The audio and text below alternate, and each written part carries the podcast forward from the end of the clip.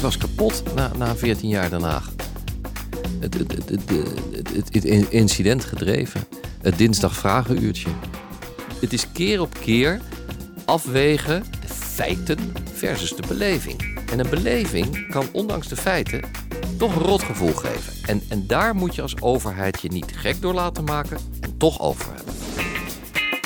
Welkom in de publieke ruimte. Een podcast over prangende vragen en taaie dilemma's die komen kijken bij een betere publieke dienstverlening. De plek waar nieuwe perspectieven een podium krijgen. Welkom, welkom in de publieke ruimte. Een podcast waarin we in het kader van het traject Werk aan Uitvoering prangende dilemma's bespreken die komen kijken bij een betere publieke dienstverlening. Mijn naam is Martijn Grimius en tegenover mij zit Otto Tors.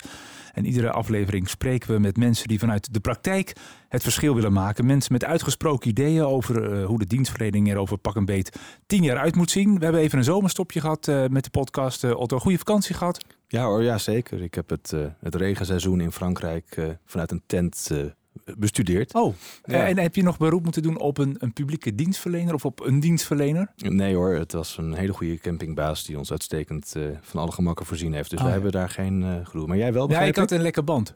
En ik, ja, ik moest dus uh, een, een, beroep doen op een, op een dienstverlener, in dit geval de, de Franse ANVB. Hè, die, en het, wat mij opviel is dat als je de omstandigheden goed zijn, dus ik had goed weer, ik had een stoel bij me, ik had een, een, een boek die ik op mijn telefoon kon lezen, dan maakt het eigenlijk helemaal niet uit dat je even moet wachten. Ik zat drie uur te wachten en uiteindelijk kwam die vrolijk naar me toe. En ik, maar dus de omstandigheden maken wel hoe je er dan de dienstverlening beoordeelt, zal ik maar zeggen. Ja, precies. Nou, ik ben heel benieuwd hoe die omstandigheden hier zijn. Want wij zitten in, in Rijswijk. Uh, onze gast van vandaag die heeft zo'n beetje alle petten opgehaald die passen bij de organisaties die nu betrokken zijn bij werk en uitvoering. Hij was, nou hou je vast, gemeenteraadslid, wethouder, burgemeester, minister, Tweede Kamerlid en tegenwoordig directeur van het Centraal Bureau Rijvaardigheidsbewijzen, het CBR. Zelf houdt hij het erop dat hij een kunsthistoricus is die de weg is kwijtgeraakt. Alexander Pechtold, welkom in de publieke ruimte. Dankjewel. Fijn dat we hier mogen zijn. Uh, als, iemand die, ja, als iemand weet hoe de haas lopen, dan ben jij het eigenlijk wel. Uh, maar betekent dat ook automatisch dat je dan pasklare oplossing hebt voor de verbetering van de publieke dienstverlening?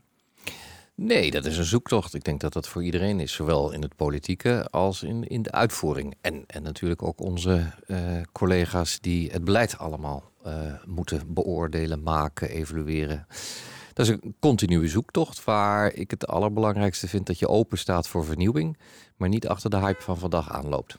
Ah, kijk, er wordt al druk getoeterd hier. Eh, we zitten hier echt boven een toetslocatie, toch? Ja, ja hier de Plaspoelpolder. En het ziet er uh, zo uit zoals het klinkt. Uh, als je vanaf het, vanaf het Binnenhof gewend bent daar in die mooie gebouwen, dan zit je hier in een ganz andere omgeving. Maar het leuke is dat we hier bovenop de dienstverlening zitten. Want hieronder worden nu de examens gereden en de theorie-examens afgenomen. En dat doen we op zo'n 54 plekken in het land. Ja, ik vroeg me wel af, uh, uh, we hadden het net even over de ervaring die je meebrengt. Kan, je kunt ook even, als je het heel zwart-wit zegt, de, de problemen die je als politicus hebt veroorzaakt in de uitvoering, die moet je nu zelf gaan oplossen. Of zie je het niet zo zwart-wit? Ja, nee, ik ben, ik ben daar ook wel, wel ik probeer daar reflectief in te zijn. En ik heb alles gezegd. Uh, ik ben bang dat ik ook wel eens voor moties heb gestemd waar uh, uitvoerders met de handen in het haar zaten te bedenken hoe hebben ze dit nu weer bedacht. Ja, ja dus dat is heel leerzaam. Maar omdat ik beide kanten van het verhaal nu wel enigszins ken, uh, merk ik ook dat het ook wel twee gescheiden werelden zijn.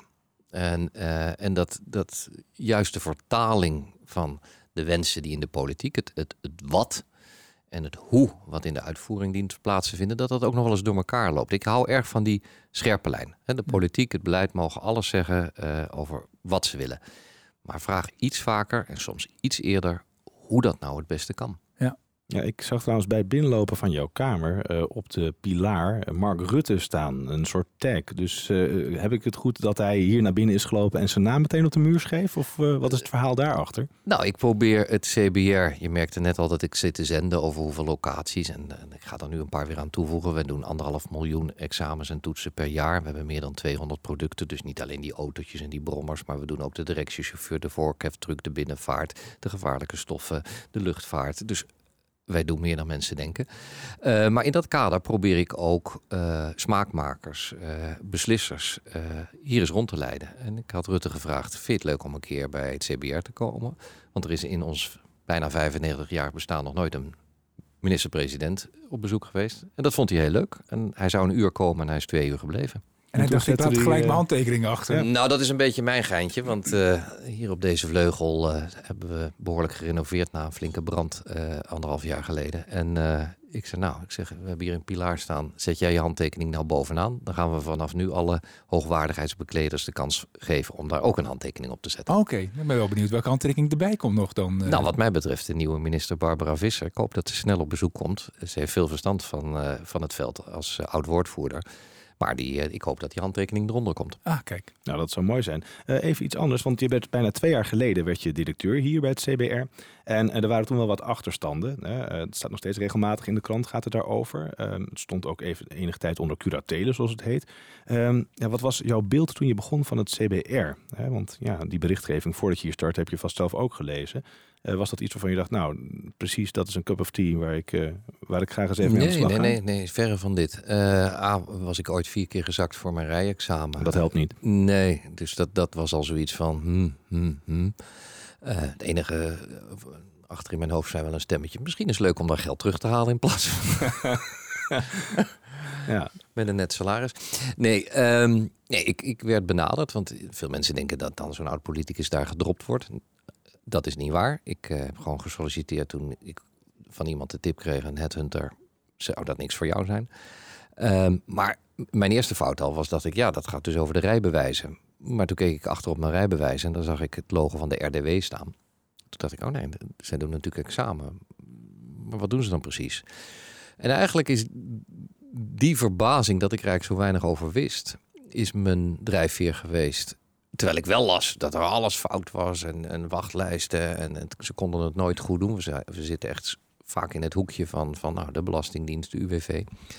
En, en daar begon wel iets te prikkelen van, ja, maar als zo'n organisatie, daar zullen toch allemaal professionals werken. Die mensen die, die gaan toch niet op maandag naar het werk met hoe ga ik het voor de samenleving nou eens even verklooien. En dan gaat het bij mij wel prikkelen. Dus toen ik me daarin ging verdiepen, toen dacht ik, nou, je moet eerst maar eens veel leren. Drie maanden maar eens even de kat uit de boom kijken. Nog eens drie maanden je mond dicht houden. En dan eens gaan agenderen wat er anders zou moeten. Nou, daar zitten we nu middenin. Eh, in iedere aflevering van de publieke ruimte schetsen we ook een eh, dilemma. Laten we even naar een fragment luisteren. Dit is de brief. Daar staat aan in geachte heer Pol. Uw medische situatie is door de CBR beoordeeld. Wij, zijn, wij doen dit om te kunnen bepalen of u geestelijk en lichamelijk in staat bent om te rijden. Uit onze beoordeling blijkt dat er sprake is het ontbreken van de linkerarm. U bent niet meer geschikt voor de volgende voertuigen. Vrachtwagen of zware camper. En eh, toen hoorde ik en toen las ik dat hij niet meer bij ons mag komen, dat zijn uh, gerode rijbewijs was afgenomen. En toen dacht ik, nou dat kan het niet wezen. Gerry is altijd vriendelijk, is altijd netjes, heeft nog nooit schade gereden, is, ehm, ja, is gewoon een, nou ja, een leuke vent. Nog maar twee jaar tot uw pensioen. Ja, dus en dan eh, ben je in één keer eh, weg. Hup, aan de kant als gehandicapt. Dan gooi me tegen de muur. Geen berichtje, geen telefoontje, niks van CBR. Niks. Niks van CBR. Ja, bekende casus denk ik hè, voor, Ja. eh, voor je. Ja. Gerry, eh, die, wa- was dat een dilemma, dit, eh, deze casus? Nou, het is een dilemma wanneer eh, het in de media breed wordt uitgemeten. Oh, de anders niet. Nou nee, het is altijd een dilemma. Maar het kwam naar, naar voren omdat meneer zijn rijbewijs werd ingenomen. Alleen, dat gebeurt hier de hele dag. Ja, En we hebben de hele dag mensen met beginnende dementie, met eh, progressieve ziektes, eh, ogen, diabetes, wat vaak ook met ogen weer samenhangt. En, en mijn collega's moeten daar iedere dag op oordelen, net als bij een examen. Dat duurt 35 minuten. En daarna is het zwart-wit, gezakt of geslaagd. En dan is er geen discussie over, zag je die fietsen nou wel of niet?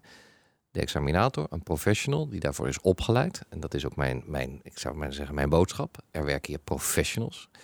Dat zijn geen uitzendkrachten. Die hebben een lange opleiding nodig, worden gemonitord, worden de hele dag bekeken op hun prestaties. En die maken besluiten. En die besluiten zijn ook in het geval van, van, van, van meneer eh, eh, Van der Pol. Eh, ja, werd vastgesteld dat, dat zijn lichamelijke toestand zo was dat dat volgens wet en regelgeving niet Ja. tot een verlenging van een rijbewijs kon leiden. Onze fout was dat we dat eigenlijk eerder hadden moeten zien. Dus hij had al jaren dat rijbewijs, maar dat was stilzwijgend verlengd. Totdat bij ons iemand zei: hé, hey, maar dat klopt helemaal niet met de laatste wetgeving. En En het, dan ging hier, het ging hier eigenlijk om twee dingen. Aan de ene kant ging het over, inderdaad, de meneer heeft onterecht nog een rijbewijs. Ja. Aan de andere kant ging het ook over de manier waarop er werd gecommuniceerd. Want hij zei ook van, ik voel me hier eigenlijk bij het grof vuil gezet. Zomaar na al die jaren, ik ben zit vlak voor mijn pensioen en ik krijg niet eens een, een telefoontje, helemaal niks. Ik, ik, ik, gewoon koud krijg ik te horen van het CBR, bam, uw rijbewijs wordt niet verlinkt. Eh, eh, Trek je dat op dat moment ook aan? Nou, ik snap het, omdat wat ik zelf, vorige week heb ik nog 33 nieuwe examinatoren bijvoorbeeld eh, een, een diploma mogen geven. En toen heb ik gezegd, jongens, let op, hè. Het kan zo zijn dat je dadelijk op woensdagmiddag in de supermarkt staat en dat iemand zegt, hey, examinator, maandag, leuk, ik was geslaagd. En dat jij niet eens weet wie je woensdagochtend in de auto had.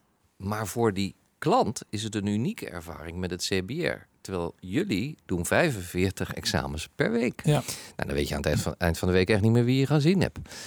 Dus dat, dat bewustzijn, dat voor meneer Van der Pol dit een unieke, vervelende ervaring was... dat zijn rijbewijs niet verlengd werd, die snap ik. Dat wij proberen die brief op B1 taalniveau... dus voor zoveel mogelijk mensen begrijpbaar te maken... dat vind ik menselijke maat. Dat we toen, toen hij mede door de media een publiek figuur werd... dat ik hem dan ook nog even zelf bel om dat toe te lichten... ja, dat kan ik niet anderhalf miljoen per, per, eh, per jaar doen. Maar dat hoort er dan ook bij, omdat ik even zelf nog wilde uitleggen waarom het zo Ja. gelopen is.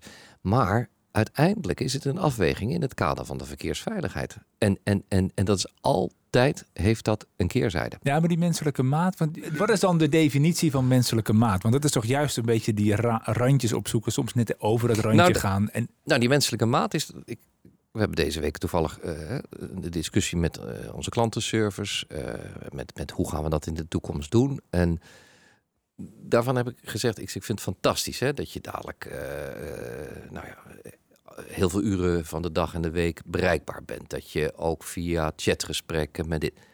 Maar, maar, maar, en daar- ik ben daar niet ouderwets in, maar ik ben daar behoedzaam in. Dan zeg ik, maar er zijn altijd nog mensen die toch even een mens aan de telefoon willen hebben.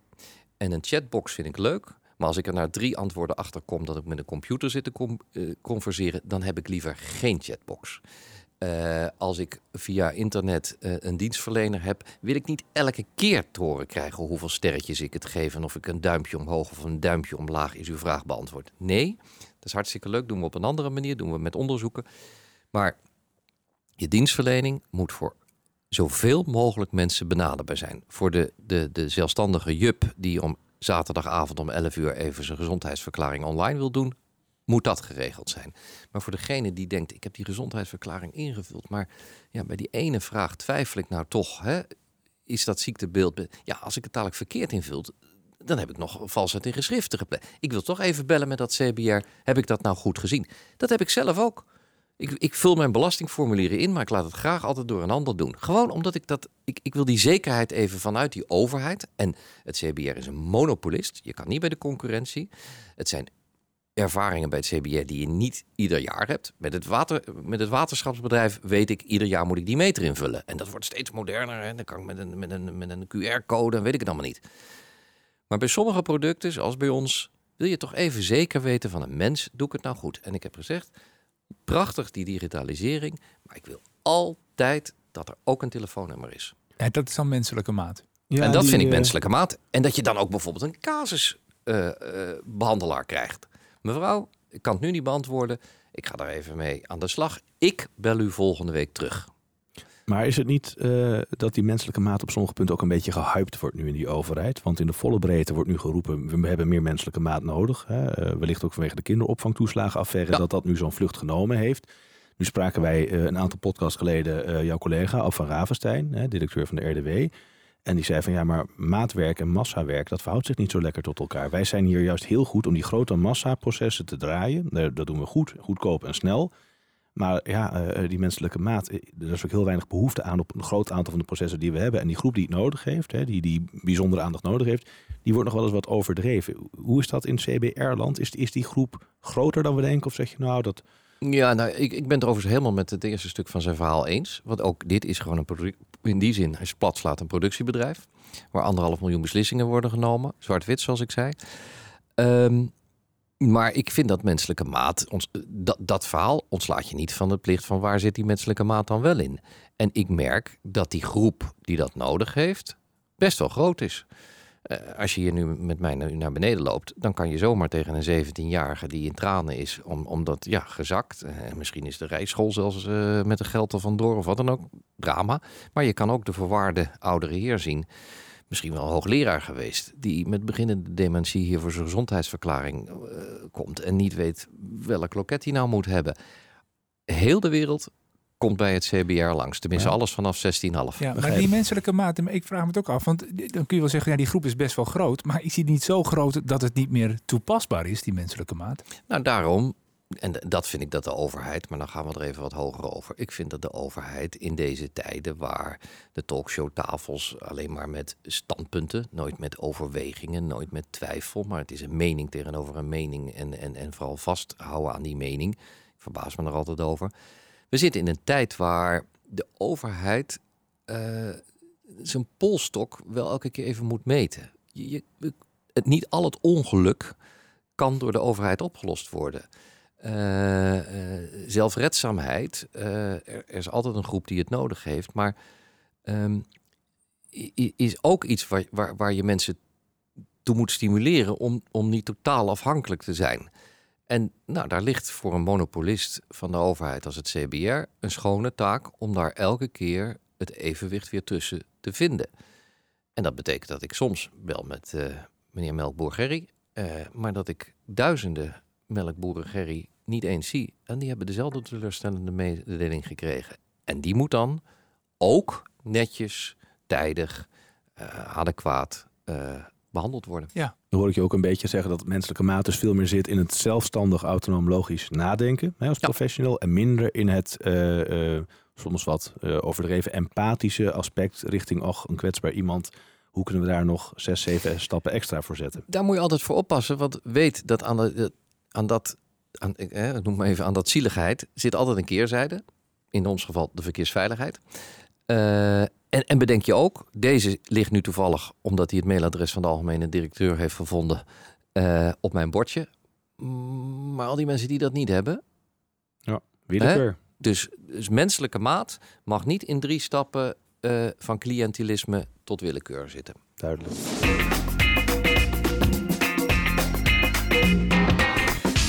Maaike Clip. Maaike Clip doet al enkele jaren onderzoek naar de begripvolle ambtenaar. Ze maakte fotoportretten van haar collega's bij Duo en uh, interviewde ze tegelijkertijd over de vraag hoe kun je een begripvolle ambtenaar zijn. Ze hield er een blog over bij en in de publieke ruimte neemt ze iedere, ons iedere aflevering mee in een van de inzichten die ze heeft opgedaan. Dag Maaike. Ha Martijn. Het gaat de laatste tijd eh, veel vaker over de uitvoering, uh, dat de uitvoering veel vaker nee moet zeggen tegen de politiek. Uh, jij deed zoals gezegd onderzoek naar de begripvolle overheid en jij gaat zelfs verder dan nee zeggen.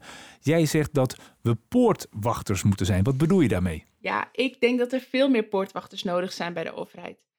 Kijk, we hebben het vaak over de relatie tussen burgers en de overheid en dat die veel menselijker moet.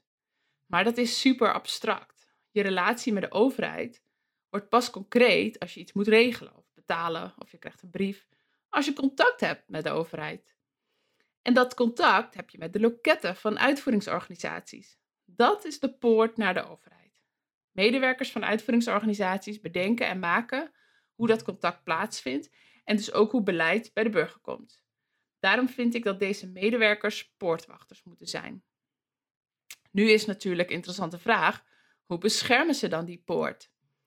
Op dit moment staat die poort, denk ik, meestal naar één kant open, van de overheid richting de burger. Knullige ideeën van bovenop moeten zo uitgevoerd worden. Ook al denken ambtenaren die veel dichter op de burger zitten misschien wel, wat is dit nu weer voor maf idee? Deze medewerkers weten juist heel veel van wat burgers ervaren en nodig hebben.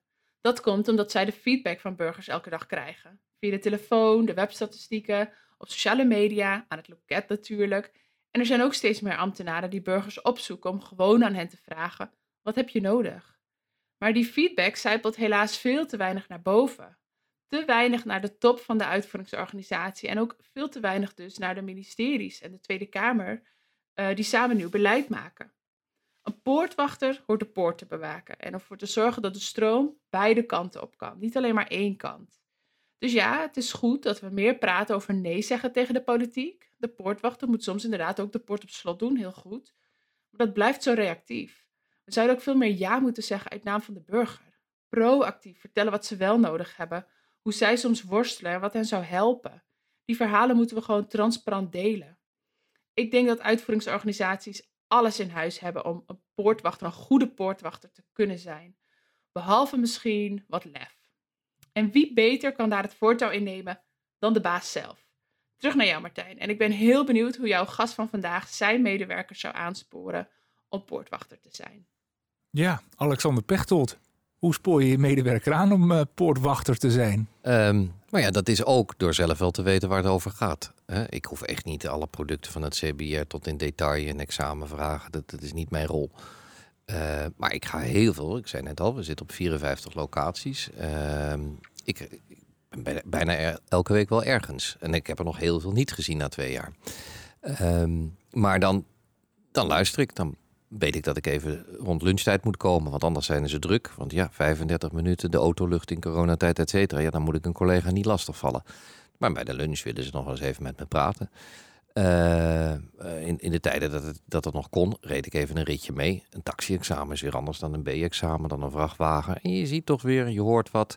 Dus het is in het informele dat je jezelf laat, nou ja, laat inspireren, laat beïnvloeden. Uh, altijd opletten dat, dat één ervaring is dat nou een incident of is dat representatief?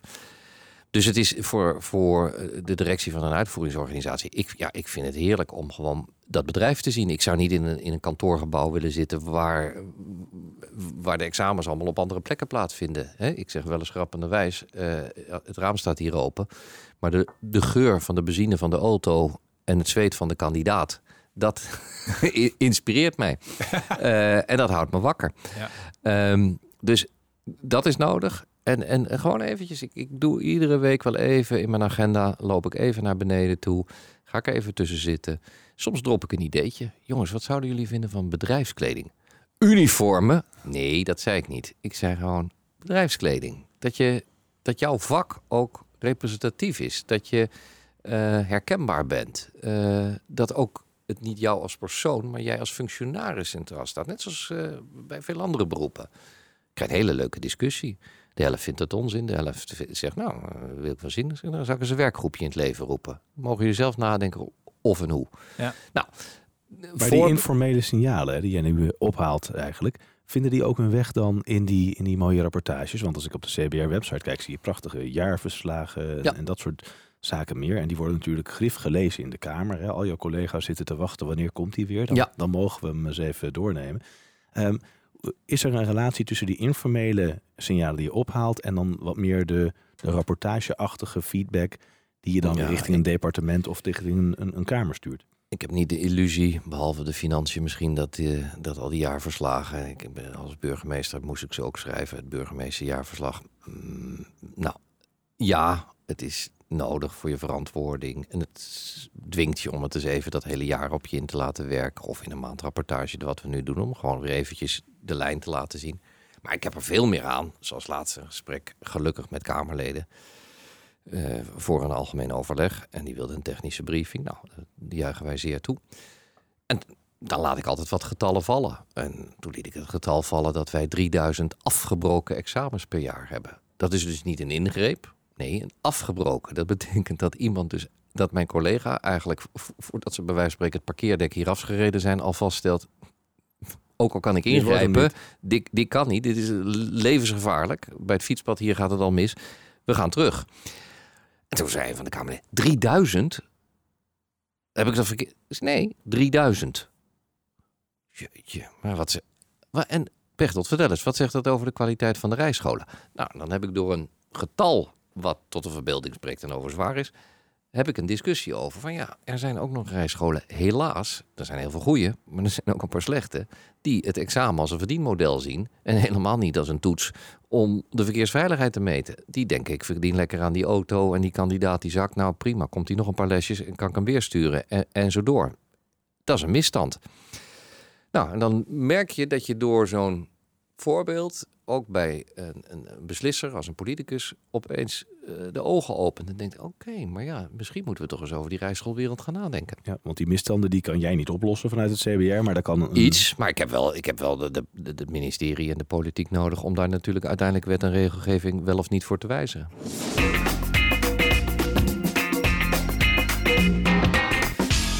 Ja, voor de zomer ben je samen met een aantal andere directeuren langs gegaan bij de informateuren. Ja. Uh, Mariette Hamer, eh, hoe was dat gesprek? Ja, was het uh, een moedje of was het juist heel uh, nou, nou, voor mij was constructief? Het, voor mij was het bekend terrein. Ja. Want ja, ik heb er zelf uh, zeven maanden in 2017 zitten onderhandelen in die kamers. En ik kreeg weer even de gevoelens van toen terug. Oh ja, welke gevoelens waren dat dan? Houdt dit nooit op. ja. Hey, waar stond je daar als politicus of, of echt om die collega-directeuren van uitvoerders, uitvoeringsorganisaties, om, om die wat ja, uh, handigheidjes bij te brengen? Nee, ik, ik vond het heel goed dat de informateur waar, nou ja, de, de, de, zeg maar de coalitievorming nog een beetje in slop zat en terwijl wij praten nog steeds zit. Um, om, om juist, omdat, kijk, na de, de uh, toeslagenaffaire, na de, uh, uh, het onderzoek naar de uitvoeringsorde, de, wat was het, de tijdelijke commissie uit de TCU, ja. onder André Bosman, de oude collega, was inderdaad opeens en dan, dan, ga ik het even wat scherper zeggen, dat modebegrip van de menselijke maat. En, en, ik, ik, en ik had wel zoiets van, jongens, jongens, pas nou op dat je dadelijk alles in die menselijke maat, de verwachtingen torenhoog gaat neerleggen. En dat uitvoerders als een CBR of het RDW, we hoorden net app, uh, of, of, of, nou ja, noem ze op. Die denken allemaal, ja, maar uh, ja, ja, tot op zekere hoogte. Maar uiteindelijk moeten wij wel die, zoals Ab zei, die, die, die, die productie uh, doen. En dat is niet de hele dag uh, uh, mitsen en maren en doen. Nee, ben je dus op de rem gaan staan? Dat is nee durven zeggen.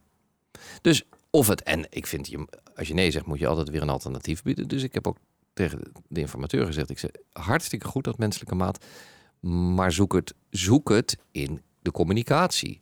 Zoek het in, in, in inderdaad, ben je de poortwachter of ben je dus vanuit welke kant? wij heten een uitvoeringsorganisatie. Maar ja, dan denk je dus vanuit de Haagse toring en wetten naar uitvoering. Zou kunnen zeggen dienstverlener. Dan kijk je vanuit de samenleving richting die torens en de politiek. Nou, in, in, in dat soort begrippen, uh, hoe, hoe, hoe kijk je naar de problematiek?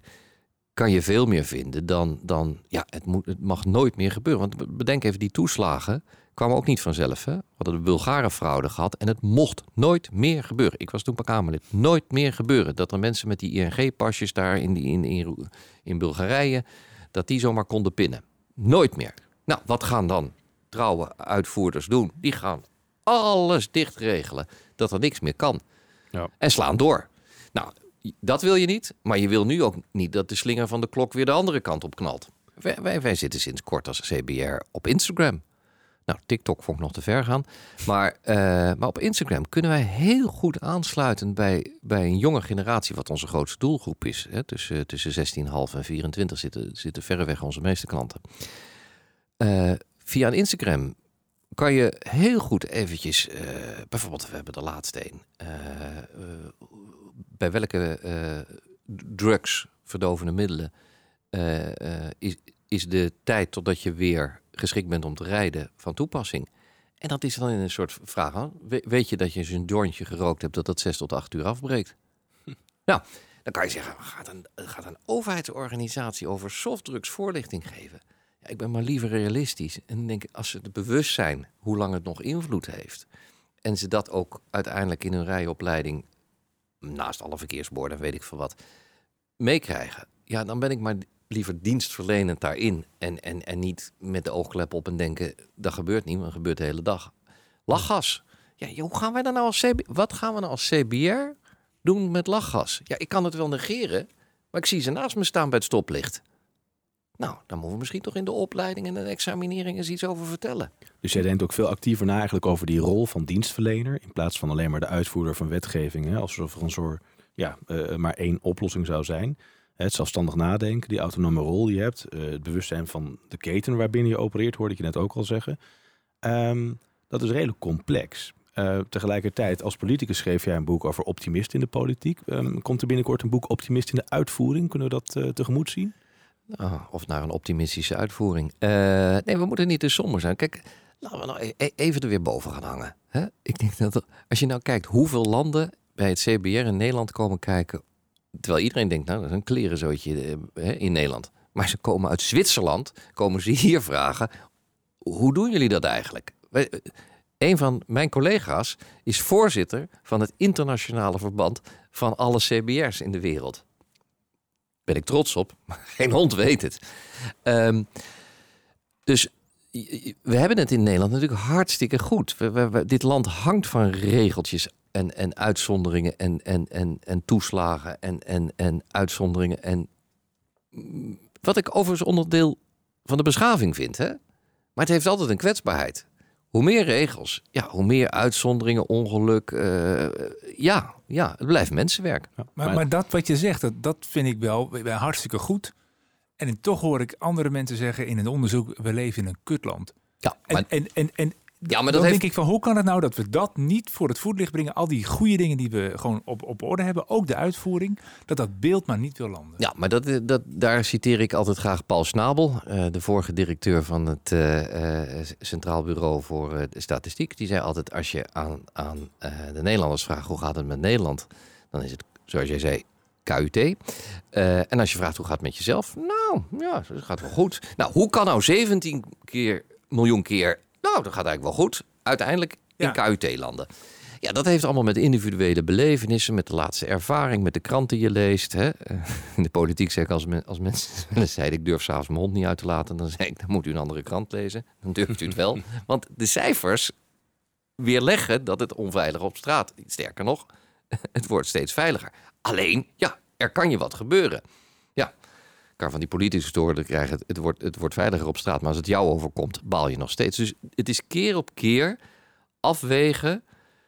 De algemene lijn, de feiten. Laten we dit woord ook eens laten vallen. De feiten versus de beleving. En een beleving kan ondanks de feiten toch een rotgevoel geven. En, en daar moet je als overheid je niet gek door laten maken en toch over hebben. Maar welke rol spelen de oud-collega's erin om die feiten te presenteren? Ik bedoel, hoe, hoe, hoe laten zij zich informeren door de feiten, door de, de, de, de feitelijkheden ook van een uitvoeringsorganisatie als het CBR? Glad ijs, maar ik ga er toch op. Ja, daar, dat vond ik in de 14 jaar dat ik in Den Haag zat en de 25 jaar dat ik in de politiek zat. Ik heb daarvoor de lokale gedaan. Dat vond ik een, een steeds moeilijker iets. Het, het, het, het, incident gedreven. Het dinsdag vragenuurtje. Ja, er is iemand in, uh, in, in, in, in een verzorgingshuis in Hengelo uit een bed gevallen. Wat gaat de minister doen om te voorkomen dat alle verzorgingshuisbedden uh, een extra stang of wat dan ook hebben? Kan het zijn dat het een, een dramatisch maar incidenteel ongeluk is? Of tien keer per jaar voorkomt? Of honderd keer? Of duizend keer? En op welk moment zeg je, ja, die bedstangen moeten allemaal anders. Maar voor je het weet heb je weer een regeltje waar die verpleger aan die bedstang moet staan rukken uh, in niet alleen Hengelo, maar in heel Nederland omdat er een keer iets is min. Het, het accepteren van ongeluk, het accepteren van, van in een tijd waar je natuurlijk alle nieuws komt direct op je af en vaak in de persoonlijke vorm. Kijk naar de kranten. Het woord verslaggever is niet meer van orde. Het is meningen, het zijn incidenten, het zijn personen. En dat is in de politiek ook altijd interessant. Die wet, nou, of als je een pechtelruzie hebben, daarvoor komen we graag vanavond naar tv kijken. Maar nou staat hier een handtekening van Mark Rutte. Maar er hadden ook misschien wel uh, al 150 handtekeningen van Kamerleden kunnen staan. die zich laten informeren over het CBR. Hoe is het daarmee gesteld? Glad ijs. Ik ga toch zeggen. Vorige week vrijdag zouden wij met het hele ministerie, RDW, ProRail, Rijkswaterstaat, Kamerleden ontvangen. Juni is de uitnodiging uitgegaan. Juli is de herinnering uitgegaan. En vorige week woensdag hadden wij één Kamerlid en één medewerker van een Kamerlid aangemeld. En het Kamerlid zei de dag daarvoor af. Er zijn 18 fracties. Ja, één medewerker overgebleven. En daarvoor hebben we niet die hele dag georganiseerd. Ik zeg dit niet als beschuldiging, want ik weet hoe druk het is. Ik weet dat je, als een kabinet, als er net verkiezingen zijn geweest, dat iedereen zich nog moet inwerken. Maar dit is een oproep, nadat ik even geklaagd heb aan ieder Kamerlid ik ontvang je heel graag in je eentje. Ik trek alle tijd van je uit. Het hoeft niet eens in Rijswijk. Het mag op een van de 54 locaties dicht bij huis. alsjeblieft, geef me twee uur om gewoon even te vertellen. En dan hoef je niet alleen met Bobo Pechtel te praten. Kan je gewoon ook met de mensen van de werkvoer praten. En dat gaat je ontzettend helpen in, in, in je vier jaar Kamerlidmaatschap. maar hoe kan dat nou dat dan niemand daar eigenlijk langskomt? Heb je daar een verklaring voor? Ze hebben het druk en dat terecht, want het is de hele dag wordt. Ik, heb het, ik was kapot na, na 14 jaar Den Haag van die malle molen. Ik- nu is een weekend een weekend weer. Nu is een avond is een avond. Ik, ik heb echt, eh, ben er nou drie jaar uit, maar ik heb echt moeten afkicken. Dit is voor, dit, dit, wij waarderen onze politici veel te weinig. In in de zin van, ja, nee, dit is echt niet opa verteld. Maar eh, vroeger gingen mensen eh, gemotiveerd in een gemeenteraad zitten. Tegenwoordig is er niemand voor te krijgen. Eh, minister worden, nou, zoek er nou maar een baan. Burgemeester zijn, je bent drie dagen te laat teruggekomen van je, van je eindelijk vakantie... omdat de loco het net even verkeerd had ingeschat. En jij kan aftreden. En dat vind ik ik vind prima dat we scherp zijn, dat we controleerbaar zijn, dat we afrekenbaar zijn. Dat we ook onze consequenties trekken als bestuurder of politici op het moment dat er ook echt eh, fouten zijn gemaakt. Maar soms denk ik, doe het zelf eens een week en, en, en, en bedenk eens. En dat kom ik weer terug. De hele ambtenarij heb ik leren kennen als voor 99% mensen die met passie, met gevoel voor die samenleving. Anders gaan ze wel ergens anders werken. Kunnen ze meer verdienen dan bij de overheid. En dat geldt ook voor politici. Ehm, maar er gaan dingen mis. En die acceptatie, nou, het lijkt wel een rode draad in mijn verhaal. Dat moeten we veel vaker durven zeggen. Nee, dit kan ik niet voor u regelen. Ja, we gaan naar ons wauw-moment. Ehm, want iedere aflevering dan vieren we een moment waarin je ziet dat er op veel plekken al prachtige stappen zijn gezet eh, naar betere dienstverlening. En vandaag hebben we een hele mooie uitvinding van de gemeente Utrecht met de naam het huishoudboekje. Met het huishoudboekje krijgen inwoners die het moeilijk vinden om overzicht te houden over hun geld online hulp. Want de inkomsten, hè, loon, uitkering, toeslagen, die komen dan binnen op de rekening van de gemeente. Die daaruit iedere maand op tijd de belangrijkste vaste lasten gaat betalen. Zoals je huur of je hypotheek, je, gas, je stroom, je water. Eh, een vast bedrag dat overblijft, dat wordt dan op je eigen rekening gestort van de inwoner. Eh, we gaan eens even bellen met Pieter in het Hout. Hij is strategisch adviseur digitale innovatie. Met Pieter in het Hout, goedemiddag. Dag Pieter, je spreekt eh, met eh, Otto, Martijn en Alexander. Wij zitten hier eh, voor de publieke ruimte en je bent live in de uitzending. Even misschien een vraag om onze luisteraars wat, wat inzicht te geven. Welk probleem wilden jullie eigenlijk oplossen met een huishoudboekje? Nou, wij zagen in eh, 2015 bij de decentralisaties van de DMO in jeugd en bij de oprichting van de buurteams, merkten we dat heel veel mensen in de buurteams gingen met financiële problemen en financiële stress. En er was zowel ongeveer 80% van de mensen die, die had dat. Toen zijn we wel eens gaan kijken en gaan hoeveel mensen in Utrecht dan eh, in de problemen zaten. Er kwamen om tienduizenden huishoudens. En als we dan keken welk productaanbod we hadden als gemeente, dan konden we dat eh, ja, echt niet halen zeg, met huidige product. Het zou veel te duur en veel te veel zijn.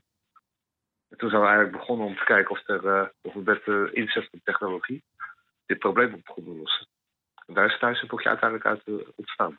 En, en die oplossing, dat huishoudboekje, dat, dat gaat redelijk ver. Hè? Want eh, ik heb het net even aangegeven. eh, je neemt eigenlijk eh, een stuk van de financiële huishouding van een burger helemaal over. Eh, hoe, hoe wordt daarop gereageerd door inwoners? Nou, dat, dat klinkt heel raar, want wij denken zelf zeg maar, aan de andere kant dat je zeg maar, een regie uit handen geeft op het financiële gebied. Maar wat wij terugkrijgen van deelnemers is dat ze zeggen, ja, dat kan wel waar zijn, maar ik krijg de regie op mijn leven weer terug. Dus mensen die hebben, eh, krijgen rust in de hoofd omdat ze een vast leefgeld krijgen van de maand. Dus precies weten waar ze aan toe zijn. En eh, ja, ze beginnen na twee, drie maanden beginnen ze eigenlijk allerlei dingen eh, weer op te starten die ze al jarenlang niet deden. Zoals schilderen, of misschien naar werk zoeken of dat soort dingen. Dus het, het slaat heel goed aan bij, ja, bij heel veel deelnemers. Ja, want je had het over 10.000 gezinnen in je onderzoek. Eh, ehm, hoeveel mensen doen er inmiddels mee aan het huishoudboekje? Op dit moment zijn het er 170, 175. En eh dat zou je zeggen, dat, dat is wel heel weinig. Eh, maar wij zitten zeg maar, nog in een soort pilotversie te werken. Want we hebben dat huishoudboekje heel kort cyclisch en iteratief ontwikkeld. En eh, we staan nu op het punt dat we de programmatuur zeg maar, heel robuust en, eh, eh, hebben laten bouwen. En op het moment dat we dat invoeren, want we verwachten dat we dat dit eh, kwartaal kunnen doen in Utrecht, ja, dan kunnen we de rem eraf halen. Dan kan iedereen meedoen die dat wil in Utrecht. Oké, alleen Utrecht of gaat dit ook eh, buiten Utrecht gebruikt worden? Nee, we zijn nu ook samen met de Vereniging Nederlandse Gemeenten, want die heeft dan ook die robuuste programmatuur gemaakt eh, voor ons. Eh, zijn we aan het kijken of er meer gemeentes geïnteresseerd zijn. En er zijn ongeveer 40 gemeentes geïnteresseerd. En we gaan nu beginnen bij Nijmegen uh, zeg maar, om die nieuwe versie te implementeren. En daarna gaat Utrecht uh, uh, erop zitten. En Rotterdam is, is ook al bezig met een pilot op de huidige versie van de toogcultuur. Kijk aan, dus, dus het, het wordt eigenlijk landelijk opgeschaald. Hè? Um, het is een gemeentelijke oplossing. Um, en zijn, hebben jullie daarvoor bijvoorbeeld ook gesprekken gevoerd met andere overheden dan gemeenten alleen? Ja, zeker in het begin. En, en nu ook. We hebben een stuurgroep zeg maar, waar die gemeentes in zitten die ik net uh, vertelde inmiddels. En in het begin hadden we daar ook de Belastingdienst bij, UWV, SVB, Eneco als, als energiemaatschappij, Zilveren Kruis en Nitros Wooncorporatie. En we hebben eigenlijk met die, met die partijen hebben we dat huizenboekje ook een beetje uitgevonden. Want wat er moet gebeuren is dat er bij die partijen eigenlijk het rekeningen moet worden omgezet. Dus de betalingen van Belastingdienst, UWV, SVB, maar ook uitkeringen of, of loon, moeten naar de rekening van de gemeente worden gestort in plaats van naar de inwoner. En uh, die vaste lastenpartijen die moeten vooral zeg maar, incasso's uh, afnemen van, vanuit die rekening. Zodat we eigenlijk als gemeente zo min mogelijk werk aan hebben. Okay. Dat, heeft, dat, heeft, dat heeft ook als voordeel dat als de huur verhoogd wordt, dat er niks in het systeem hoeft te worden gedaan. Want de incasso van de, van de wooncorporatie zag al wat hoger die maand. Aha. Dus je neemt eigenlijk echt een deel van die, van die regie neem je over voor de mensen die dat nodig hebben. En je geeft ook aan dat daardoor ontstaat er weer ruimte in hun hoofd om bijvoorbeeld werk te zoeken of uh, eens weer te gaan schilderen, hoorde ik je zeggen. Uh, het klinkt als een prachtig voorbeeld. Dank je wel voor het delen van, uh, van jouw wauwmoment. Um, ik ga ook even aan Alexander vragen. Is dit nou een perfecte oplossing in het land van, van regeltjes en zegeltjes? Of schieten we nou door in het ontnemen van eigen verantwoordelijkheid bij de burger? Hoe zie jij dat, Alexander? Als liberaal. Als, als progressief liberaal. Um, laat, laat ik eerst enthousiast uh, beginnen.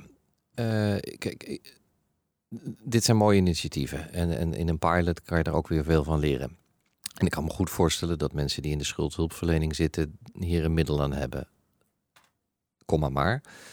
Uh, armoede is helaas ook in sommige regio's over, bijna overerfbaar. Hè? En het inzicht in je financiën, daarom ik zou er meer van willen weten, uh, leert ook keuzes maken. En als Eneco en Zilveren Kruis hier aan meedoen, ja, zijn die toevallig de goedkoopste?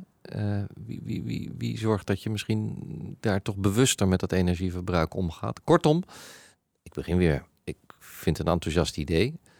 Maar mensen moeten ook uh, de prikkel blijven houden om, om, om bijvoorbeeld ja, uh, een trui aan te trekken in plaats van de kachel aan, aan, aan te doen. En als ik het niet meer zie, ja, dan, dan is het weg. Dan is het iemand anders verantwoordelijkheid. Dus ik zou een goede mix willen zoeken. En ik denk dat er voor een bepaalde deelgroep een hele goede oplossing kan zijn. Maar ik zou niet zeggen van nou ja, eh, dit is prachtig voor alle lage inkomens. Nee. Dan, dan, dan, dan zie ik toch ook wel bezwaren. Ja, we gaan hopelijk binnen afzienbare tijd, maar misschien nog binnen een hele lange tijd, een regeerakkoord tegemoet zien. Uh, welke plek gaat de dienstverlening, de publieke dienstverlening daarin krijgen? Ik, ik ga nu uh, natuurlijk zeggen dat uh, ik nu aan de andere kant zit. Dat we prima doorgaan. Ook al is er geen missionair kabinet. Maakt allemaal niet uit. Ehm, wij gaan wel door hoor.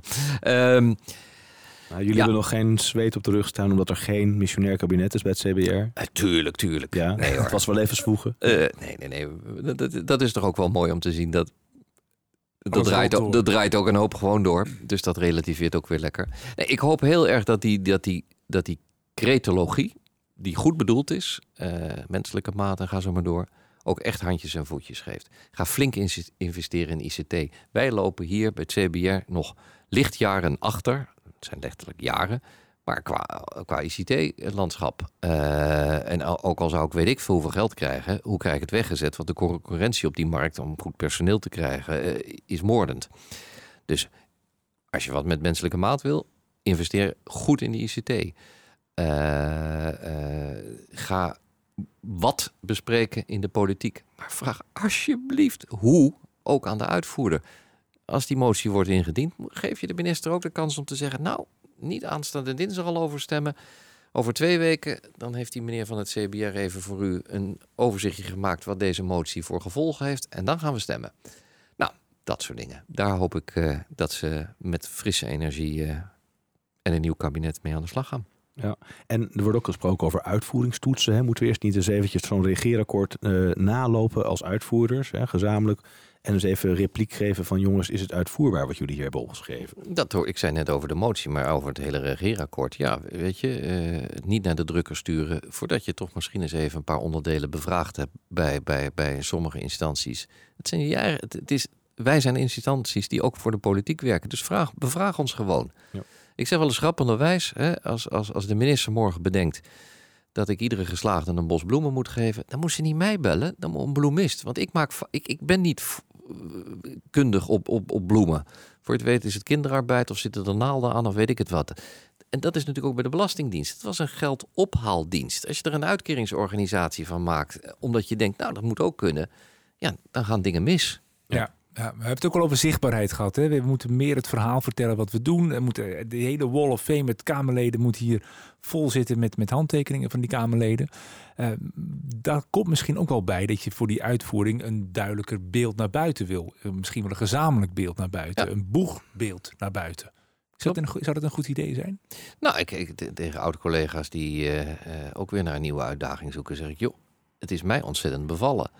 En het helpt wel even dat, dat, dat ik een hoofd heb wat ook makkelijk in de media functioneert. Want daardoor kan ik het CBR te pas en te onpas een gezicht geven. En dat helpt natuurlijk ook. We weten allemaal dat als, als een organisatie of een branche uh, een gezicht heeft, een bekende naam, waarvan mensen denken, oh ja, dat is van dit, dan krijg je in deze tijd, zo werkt het nou eenmaal, net iets makkelijker je verhaal uh, voor het voetlicht. En daar gaat het uiteindelijk om. Ja. En wordt het dan ook niet te diffuus als je dan Alexander Pechtold bent en uh, misschien bij Jinek aanschuift en ook komt praten over D66? Of, pro of, probeer je altijd die uitvoering er even in te fietsen?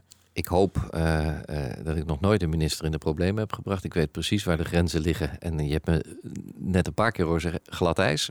Maar ik vind een beetje lef mag ook wel. En, en, en de politiek kan er ook.